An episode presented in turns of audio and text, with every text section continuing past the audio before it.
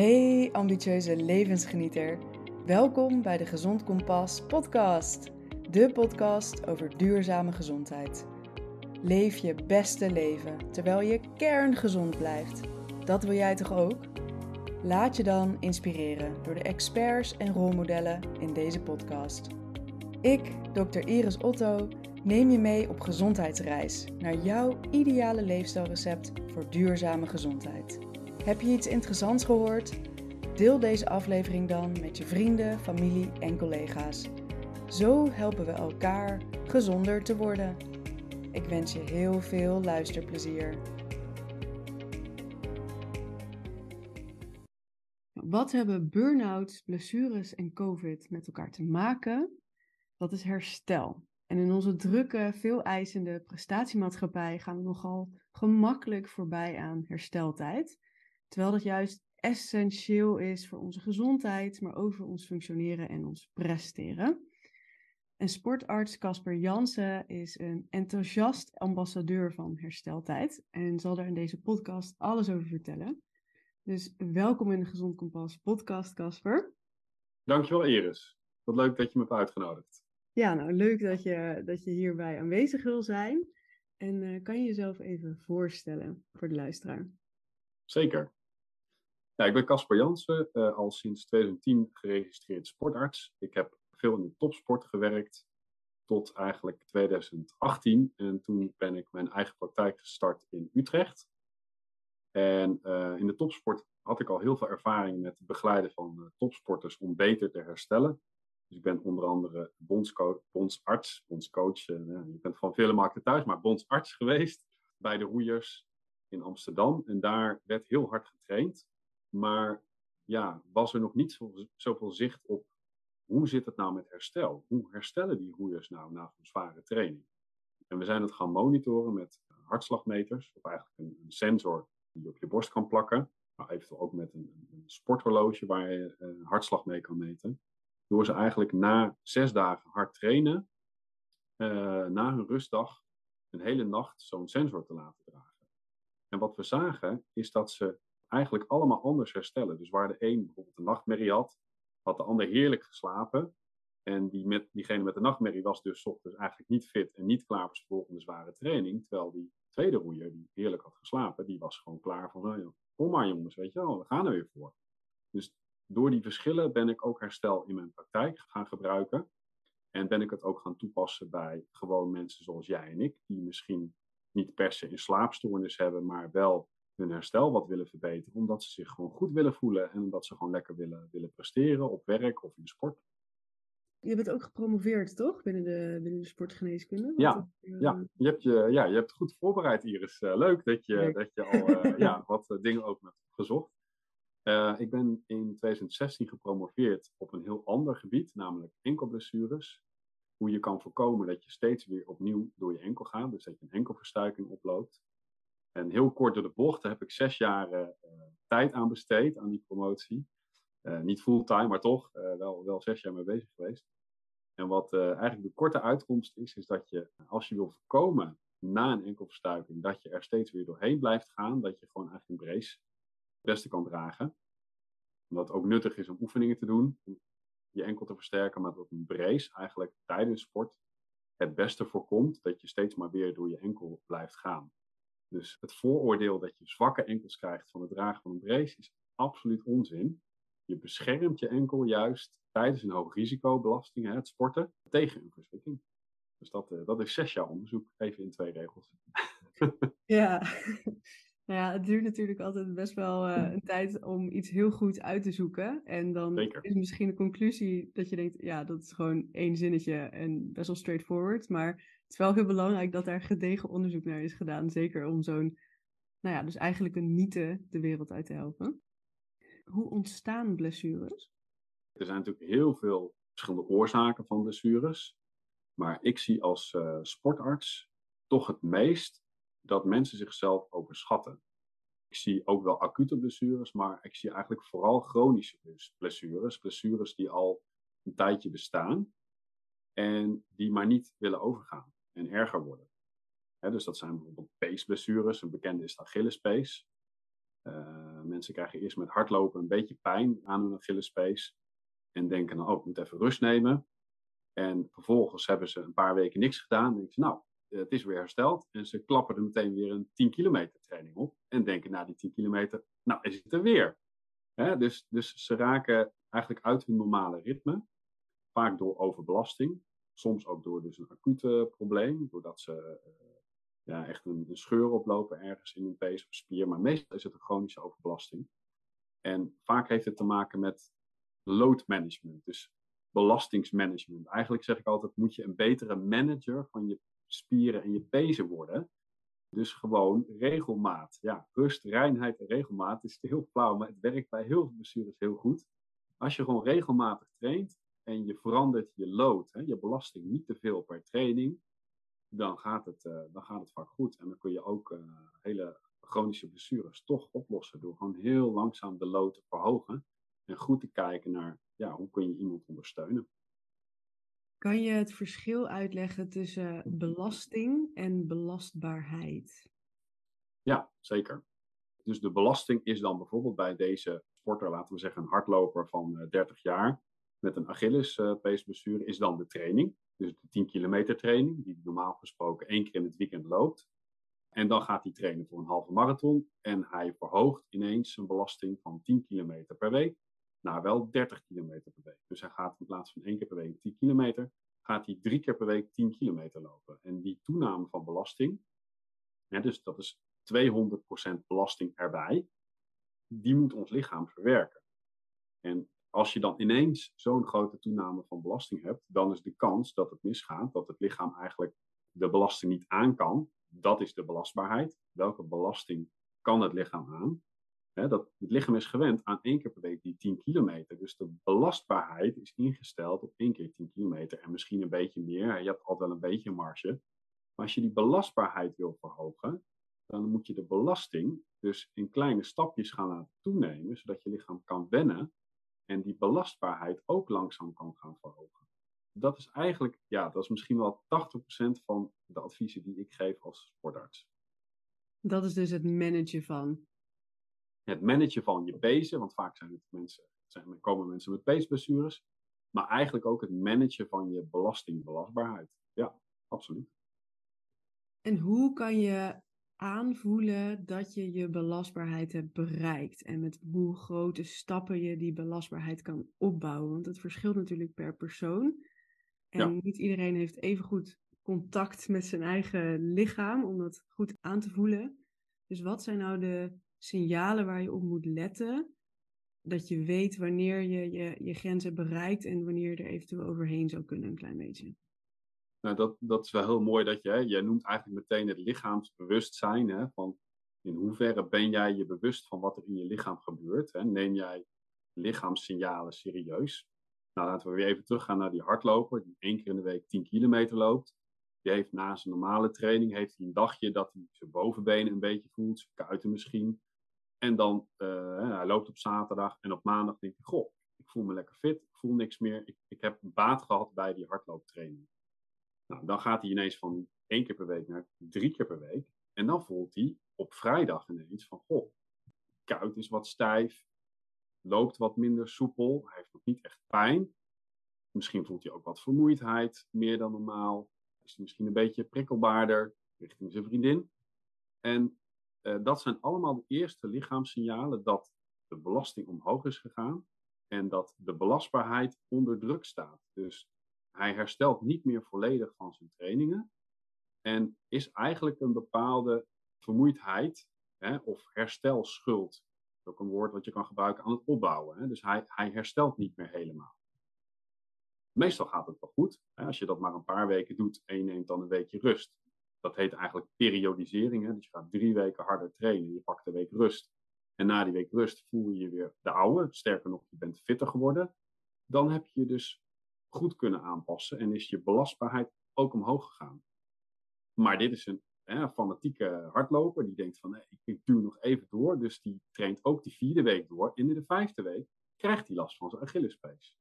dus hij heeft die mismatch tussen belasting belastbaarheid. Namelijk, hij was gewend aan één keer per week 10 kilometer en nu 200% vier weken lang. Wordt het te veel?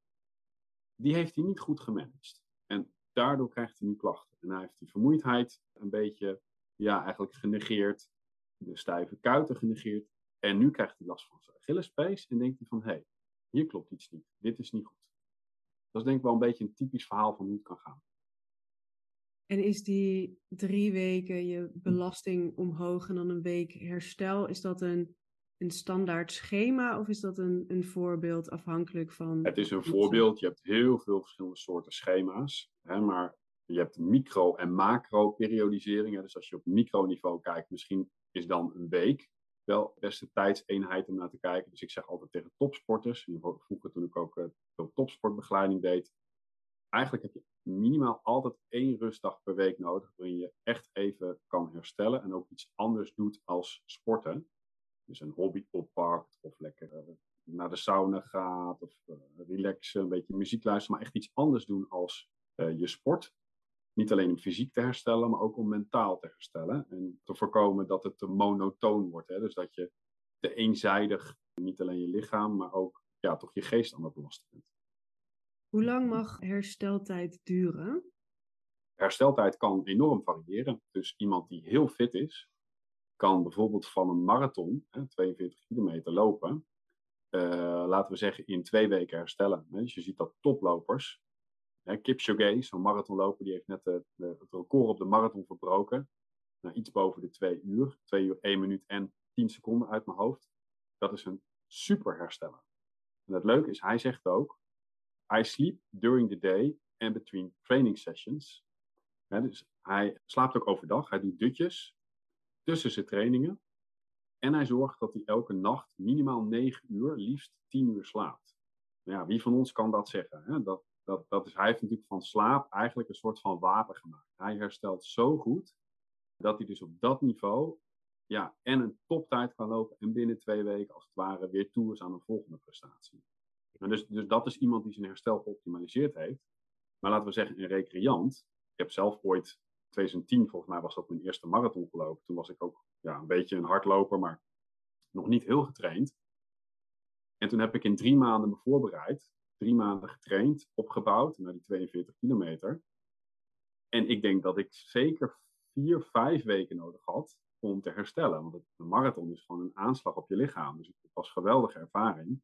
Maar ik heb ook echt de eerste week kwam ik nauwelijks de trap op. Hè. Mijn bovenbenen waren echt van beton. Dat was, uh, ja, dan heb je wel door dat je iets bijzonders gedaan hebt. Dus ik was toen nog niet zo'n optimale hersteller van die marathon. dus, dus herstel is heel persoonlijk. En onder andere afhankelijk van leeftijd. Hè, hoe ouder je wordt, vaak hoe lager je herstel. Uh, maar ook heel persoonlijk, dus ook genetisch bepaald. Je krijgt een bepaalde herstelkwaliteit mee. En daar kun je wel, die kun je wel verbeteren, maar je, je kunt niet een ander iemand worden. Hè? Dus je kan jezelf niet van een slechte hersteller een superhersteller maken. Dus je kan ook gewoon pech hebben dat je gewoon veel herstel nodig hebt. En dat je dus ook veel slaap nodig hebt dat verschilt dus heel erg van persoon tot persoon. Dus waar de een misschien genoeg heeft van 7 uur per nacht, heeft de ander wel 9 uur per nacht nodig. Dat is dus echt individueel bepaald. Dus die, die gouden regel van 8 uur slaap, dan zit je altijd goed. Ja, dat is echt een beetje een dooddoener. Dat, dat, dat, klopt niet. dat klopt niet helemaal. Het is wel heel mooi dat er nu dus wel meer aandacht komt voor herstel. En herstel is heel persoonlijk, zoals jij dat zegt. Wat gebeurt er eigenlijk tijdens herstel? Wat gebeurt er dan in je lichaam en waarom is dus herstel zo belangrijk? Ja, hele goede en hele moeilijke vraag. Want er gebeurt van alles in je lichaam om te herstellen. dus, dus om het even heel simpel uit te leggen is, tijdens sport of tijdens belasting, dat kan ook mentale belasting zijn, is er een bepaalde stress op je weefsel of op je brein, als je mentaal bezig bent. En dat veroorzaakt schade. Dus overdag breken we eigenlijk eiwitten en weefsel af. We zijn katabol. En s'nachts zijn we anabol. Bouwen we weefsel op. Zorgen we dat weefsel weer herstelt. En wat ik net al vertelde is, een van de belangrijkste factoren voor herstel is je slaap. En dus als we in slaap vallen, gaan we eigenlijk vrij snel via de sluimerslaap naar de lichte slaap en dan naar de diepe slaap. En in die diepe slaap, daar vindt het vooral het fysieke herstel plaats. Dus daar worden in je brein onder andere onnodige verbindingen opgeruimd. dus je, wordt, je brein wordt als het ware schoongemaakt. En ook geeft je hypofyse groeihormoon af. En dat groeihormoon, dat, dat, is, ja, dat klinkt een beetje raar, want we zijn, hè, we zijn allemaal inmiddels volwassen, de mensen die naar deze podcast luisteren. Waarom hebben we dan een groeihormoon nodig? Nou, dat groeihormoon zorgt dus voor opbouw van weefsel. Onder andere spierweefsel, maar ook botweefsel. Eigenlijk alle weefsels eh, zijn gevoelig voor groeihormoon. En hebben dus eiwitopbouw onder invloed van het groeihormoon. En dat kan dus enorm je herstel stimuleren als je voldoende eh, diepe slaap hebt. En dan gaat het vooral over het fysieke herstel. Helder. Wat zeg je dan tegen mensen die de, de mindset hebben van nou, ik uh, slapen doe ik wel als ik dood ben? Die, uh, die categorie? Nou, dat is altijd een hele leuke en moeilijke, want mensen die zeggen dat ze heel weinig slaap nodig hebben en daar goed op gaan, dat klopt meestal ook. Hè? En die zien dus dat ze een bepaalde kracht hebben, maar die, die leggen ze ook op, aan anderen. Hè? Dus ze, ze kunnen met heel weinig slaap. Er zijn mensen die genoeg hebben aan vijf uur slaap per nacht, die bestaan echt. Het zijn de outliers. Ja, de freaks, als je, als je, het, heel, als je het een beetje hebt. Trump uh, is zo'n voorbeeld, die, die gaat er altijd prat op dat hij met heel weinig slaap kan. En die, die, die legt dat dus ook een beetje op aan anderen, want die zegt dan over Joe Biden, Sleepy Biden. Dat is een, een slaperige oude man. Maar ja, die, die oude man, Biden, die heeft inderdaad wat meer slaap nodig. Trump is trouwens zelf ook niet zo jong meer, maar goed. Maar die, die, die presteert toch nog behoorlijk. Hè? Als je ziet, een 80-jarige man, hè, president van Amerika. Ja, dat is natuurlijk uitzonderlijk dat je op die leeftijd nog zo'n prestatie kan leveren. Dus die mensen die zeggen, ik kan met heel weinig slaap. Ja, dat kan, maar voor de gemiddelde mens is dat niet haalbaar. Dus een gemiddelde mens heeft gewoon 7,5 uur slaap nodig. En als je slaaptekort hebt, al is het maar een half uur per dag, ja, dan gaan je prestaties gewoon langzamerhand achteruit. En in het begin merk je dat niet zo. Ben je dus misschien alleen wat prikkelbaar, of ben je soms wat vermoeid. En kun je dat nog opvangen met een powernap. Maar als je wat ouder wordt, dan, hè, vooral mannen, zo, die zie ik veel rond 40, die voelen ineens van, oh ja, ik herstel niet meer zo lekker als ik een weekendje ben doorgezakt met vrienden. Ik wat te veel biertjes gedronken heb. Of ik heb nog even gevoetbald, een partijtje met mijn, uh, mijn zoontje of met vrienden. En ik heb er gewoon drie dagen spierpijn van. Dan gaan ze ineens merken, hé, hey, ik ben niet meer die jonge god die ik was. Ik moet toch ook ergens rekening gaan houden met mijn herstel. En is slapen dan de enige manier waarop je kan herstellen? Of zijn er ook andere manieren waarop je hersteltijd kunt inbouwen? Ik begin met slapen omdat eigenlijk dat het belangrijkste is. Maar ik zeg altijd, beter slapen begint overdag. dus wat we overdag doen, bepaalt in grote mate of we ook een goede nachtrust hebben. Dus als jij overdag alleen maar aanstaat en de hele tijd je gaspedaal intrapt en denkt, oh, ik kan nog wel even opschakelen, dit kan ik nog wel even doen, dat kan ik nog wel even doen. Je bent veel aan het multitasken. Ik zie bijvoorbeeld veel mensen die en tv kijken en op hun smartphone nog heel actief zijn. En die zeggen, ik heb gerelaxed. Maar ondertussen hebben ze hun brein enorm belast. Dus voldoende pauzeren, voldoende momenten geven eigenlijk om je default mode network, het netwerk in je brein, wat eigenlijk actief wordt als je ontspant, als je even het raam uitkijkt, of even een momentje neemt om eens te controleren. Voor mij ook wel goed op dit moment. Hoe zit het eigenlijk met mijn ademhaling? Ah, ja, ik ga eens even rechtop zitten. Voeten op de grond. Oh ja, ik sta eigenlijk wel behoorlijk in de hoogste versnelling. Maar goed, dat mag ook, want ik ben met jou een podcast aan het opnemen. Maar door dat even die, dat bewustzijn te creëren en even een momentje voor jezelf te pakken, al is het elk uur maar, maar twee of drie minuten, kan enorm bijdragen om te voorkomen dat je aan blijft staan. En dus s'avonds dan ook moeite hebt om in slaap te vallen. Dus korte pauzes dragen absoluut bij aan herstel. En het, ja, mijn mooiste voorbeeld is natuurlijk de powernap. Nou, vertel maar over de powernap. Want uh, ik ben uh, het is dan een type oeps, te veel, te veel geslapen. oeps, ik sliep. Oeps, ik sliep. ja. Ik slaap niet overdag, maar als ik eens een keer overdag, uh, dat heb ik al jaren niet gedaan, maar als ik dat dan deed, dan voelde ik me altijd inderdaad echt alsof ik een kater had. Ja. ja. En, dat is zeker een oeps, ik sliep.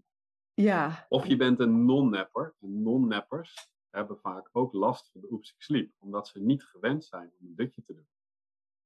Oké. Okay. Ja, dat ben ik inderdaad niet gewend. Ik kan mezelf niet op de bank nu neerleggen en zo van slapen. Ik ben echt gewoon van Nee. het nachts slapen. Ja, je hebt waarschijnlijk, maar dan ga ik het wel invullen, hè, maar het is leuk om te horen of het klopt.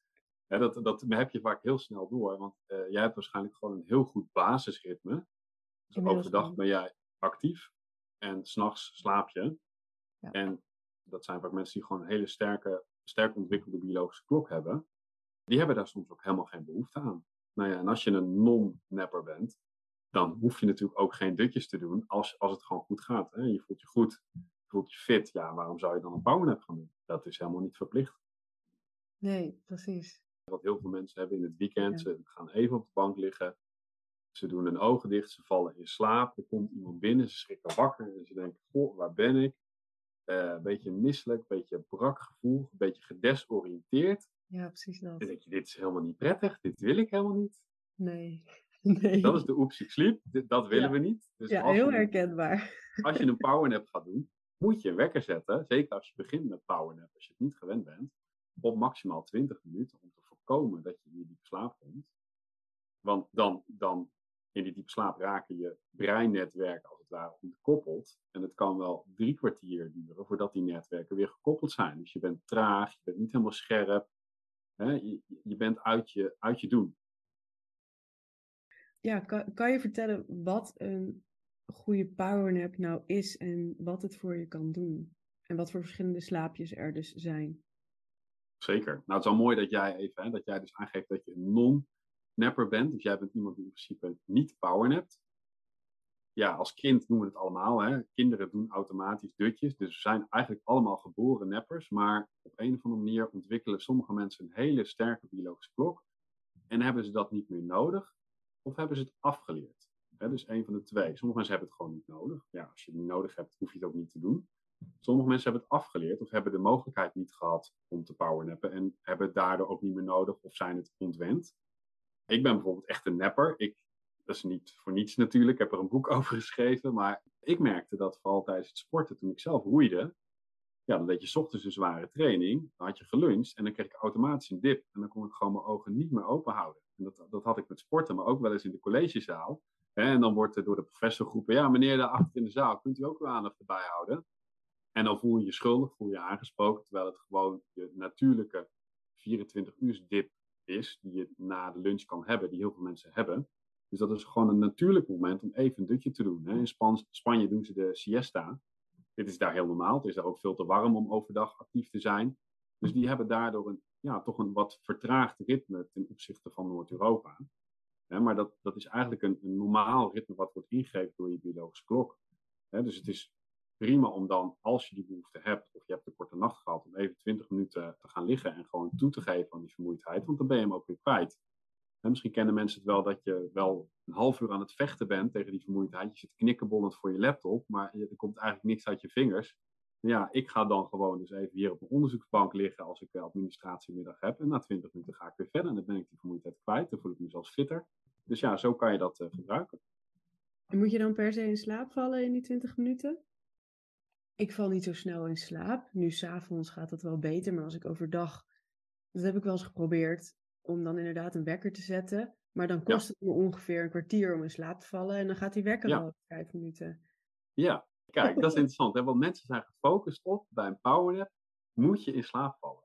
Ja, En dat, dat, dat mag, maar het hoeft niet. Namelijk het effect van 20 minuten even liggen, bij de ja. fysiologie van liggen, is dat je lichaam in de herstelstand gaat. Dus je hartslag gaat omlaag, je ademhaling vertraagt, uiteindelijk gaat je bloeddruk omlaag en zou je ook in slaap kunnen vallen omdat je hersengolven vertragen. Dus je gaat van actief brein naar een ontspannen brein. Sommige mensen houden wel gedachten of blijven juist mentaal heel actief, dat kan ook. Maar op zich, de fysiologie van liggen is dat je al aan het terugschakelen bent. En ja, de, de overtreffende trap is dan, dat je dan in slaap valt. Maar dat, dat is helemaal niet per se noodzakelijk om te herstellen. Dus even liggen kan ook al een hele effectieve pauze zijn, zonder dat je hebt geslapen. Dus tegenwoordig zeg ik bij powernappen neem je, heb je de intentie om een 20 minuten pauze te nemen, waarbij je ligt en je ogen even sluit en je in slaap mag vallen. Maar het is absoluut niet verplicht. Dat is inderdaad een, eh, ja, een andere manier om er naar te kijken, inderdaad. En dat haalt Ja. ook een beetje de, de druk ervan af. En inderdaad, als je dan al gewoon ligt en tot, jezelf tot rust laat komen, dan activeer je natuurlijk je parasympathische zenuwstelsel. En dat zorgt dan ook Precies. voor het herstel. Dus Precies, dat is het. Maar daar hoef ik jou niks over uit te leggen, want dat pas jij zelf toe en daar geef je ook eh, tips over, volgens mij. Dus eh, dat is het. Je activeert je parasympathisch zenuwstelsel. Het is eigenlijk op die ladder ga je terugschakelen. En je bent meer ontspannen als het goed is nadat je uh, 20 minuten hebt gelegen als daarvoor. En of je in slaap gevallen bent, ja, dat is dan een tweede. Ja, precies. Natuurlijk, een powernap, dat betekent eigenlijk een dutje doen, dus slapen. Maar als het niet lukt om in slaap te vallen, geen ramp. Je hebt toch even een herstelmoment gehad. En het even liggen kan wel degelijk ook bijdragen aan een betere, betere balans. Een betere inspanning of stressherstelbalans. Ja, het gaat er dus echt met name om dat je even uit die aanstand gaat en echt bewust, tussen aanhalingstekens actief, naar de uitstand gaat. Ja, ik noem het graag remmen. Hè, dus je hoeft niet per se te powernappen, je kunt ook even remmen. Regenereren en je energie managen. Regenereren, energie managen, remmen. Hè, even, even terugschakelen om te zorgen dat je weer door hebt, oh ja, ik sta in de zesde versnelling. Het is niet erg, maar misschien wil ik er even uitkomen voordat ik mijn volgende meeting of mijn volgende patiënt uh, ga zien. Is dat ook wat jij adviseert voor de preventie van bijvoorbeeld burn-out? Jij hebt een bedrijf dat heet Herstelkracht, waarmee je mensen begeleidt in het herstel ook van burn-out. Dus kan je daar wat uh, over vertellen, over preventie van burn-out en herstel van burn-out? Klopt. Ja, met herstelkracht wil ik eigenlijk niet alleen burn-out behandelen, maar eigenlijk vooral voorkomen. En, en in het algemeen mensen die merken dat, dat hun herstel wat verminderd is, zelf de tools geven om dat herstel weer te optimaliseren, zodat ze kunnen doen wat ze willen doen. En bij mensen met burn-out, ja, die zijn al tegen de lamp gelopen, die zijn uitgevallen. Dus dan is het herstelvermogen echt drastisch verminderd. Hè? En die mensen moeten gewoon soms een paar maanden eigenlijk vrij weinig doen. Niet werken, zich focussen op positieve dingen. Weer veerkracht opbouwen. En, en dat wil je natuurlijk eigenlijk voorkomen. Dus ik hoop met herstelkracht uh, mensen te begeleiden die voelen dat ze wat hebben ingeboet aan herstel. Om die de tools te geven om te voorkomen dat ze uitvallen. Dat is eigenlijk mijn grootste doel met herstelkracht. En wat is jouw nummer één tip die je mensen dan meegeeft om te voorkomen dat ze echt onderaan dat dal belanden? Door regelmatig te checken bij jezelf in welke stand sta ik, welke versnelling sta ik. En dat is eigenlijk dat lichaamsbewustzijn waar we al mee begonnen. En dat, dat kan op heel veel manieren. Ik merk bijvoorbeeld zelf, en misschien merk jij dat ook wel, hè, toen ik zelf COVID had, dat ik merkte met spreken dat ik op een gegeven moment gewoon geen adem meer had om door te praten. En dat ik echt even op adem moest komen. dus COVID maakt mensen er ook bewust van, hé, hey, er is iets veranderd aan mijn herstelvermogen. En dat is natuurlijk als je echt koorts hebt en je ziek bent, maar bij long-COVID duurt dat dus nog veel langer, is dat herstelvermogen echt serieus beperkt. En gaan mensen daardoor dus heel snel over hun grens heen. Dus de belastbaarheid is enorm verlaagd, waar we het net over hadden. Maar mensen denken nog steeds dat ze alles kunnen wat ze deden. Dus die belasting die blijft gewoon hoog. Maar door die mismatch ja, gaat het helemaal mis en, en vallen mensen daardoor soms uit. dus door, door regelmatig te checken en, en, daar ook tools voor te gebruiken. Uh, die hebben we bijvoorbeeld recent voor COVID hebben we die samengevat in de uh, leidraad nazorg uh, COVID-19 van de Vereniging voor Sportgeneeskunde. Daar staan hele nuttige tools in om dus te zorgen dat je dat rustig in de juiste fasering weer opbouwt en niet, niet jezelf voorbij loopt. Ja, het kan inderdaad heel confronterend zijn dat als je dan dus COVID hebt doorgemaakt en je denkt, nou, ik ben er wel weer een beetje, de koorts gezakt en je voelt je wel weer een beetje oké, dat, dan, dat je dan toch veel minder kunt dan daarvoor. Dat merk ik in ieder geval zelf. Ik ben gisteren weer voor het eerst naar de sportschool geweest en ja, dat uh, was niet zoals ik uh, daarvoor deed. Hoe... Mag je daar iets over vragen? Ja, natuurlijk. Want je hebt nu zelf het voorbeeld. Hè? Jij, bent, jij bent denk ik voor heel veel mensen een voorbeeld. Dus ik vind het heel leuk om jouw, uh, jouw podcast, maar ook gewoon jouw, jouw posts te volgen. Hè? Omdat je ook heel erg krachtig en kort mensen daar bewust van kan maken. Van hoe je daarop kan letten. Het is wel leuk dat je het zelf nu vertelt. Hè? Dus misschien mag ik jou daar wat vragen over stellen. Want wat merkte jij dan? in het begin, toen ik net COVID had, toen merkte ik dat ik maar 10 minuten kon wandelen en dat mijn hartslag echt torenhoog was. Ja, hoe hoog was hij dan? Nou, gemiddeld 140. Met 10 en jij hebt een hartslagmeter, begrijp ik, hè? Ik heb een hartslagmeter, ja. ja. Uh, en ik voelde natuurlijk ook kloppen en ik was heel snel vermoeid. Nou, gelukkig was dat met een week of twee kon ik weer gewoon normale wandelingen maken. normaal naar mijn werk fietsen, een half uurtje. Was wel mijn hartslag nog wat verhoogd, maar niet meer zo heel erg. Dus het is Mhm. nu 120 gemiddeld, zeg maar. En in de sportschool, ja, dan merk je dat, dat ik ben spiermassa verloren, ik ben spierkracht verloren. Dus wat ik normaal eh, trek of duw, dat is echt ehm, nou ja, een heel stuk lager, zeg maar. Ja.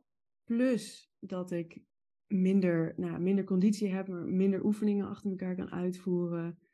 En veel sneller spierpijn heb. En veel intensere spierpijn heb en ook langer daarvan herstel. Nou, prachtig. Volgens mij beschrijf je alle symptomen die erop duiden dat jouw belastbaarheid, jouw herstelkracht, zoals ik het noem, echt fors verminderd is door de COVID. We weten inmiddels dat de COVID echt ook op spierniveau hè, de, in de spier eigenlijk een soort ontstekingsreactie kan creëren. Dan kunnen we heel erg in detail gaan, maar laten we dat maar even niet doen. Waardoor in ieder geval de zuurstofopname verminderd is. En je dus sneller over je grens gaat, niet alleen qua hartslag, maar ook over de belastbaarheidsgrens van de spier.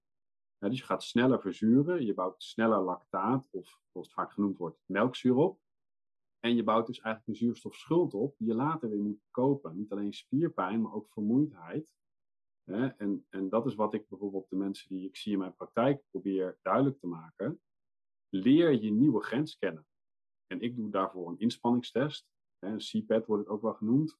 En met die inspanningstest krijg je een kapje op en kunnen we de zuurstofopname meten. En dan zien we gewoon bij welke hartslag je dus gaat verzuren. Hè? Dus je lactaat in je spier gaat opbouwen. En daar moet je dus weer extra van herstellen. Dus door onder die hartslaggrens te blijven, kun je voorkomen dat je in zo'n visueuze cirkel terecht raakt. Waardoor, denk ik, toch veel mensen die long-covid ook verergeren. Dus de vraag is of het helemaal kan voorkomen, maar in ieder geval verergeren. Doordat ze hun grens over blijven gaan en dat proces maar steeds opnieuw activeren. Zou jij dan mensen die COVID hebben doorgemaakt en daarna x aantal weken nog last van hebben, allemaal adviseren om bij een sportarts langs te gaan?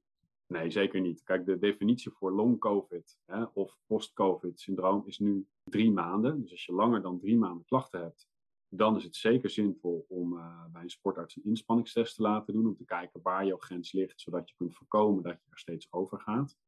Maar voor mensen die korter klachten hebben, is het gewoon heel belangrijk om in stapjes weer op te gaan bouwen naar normaal.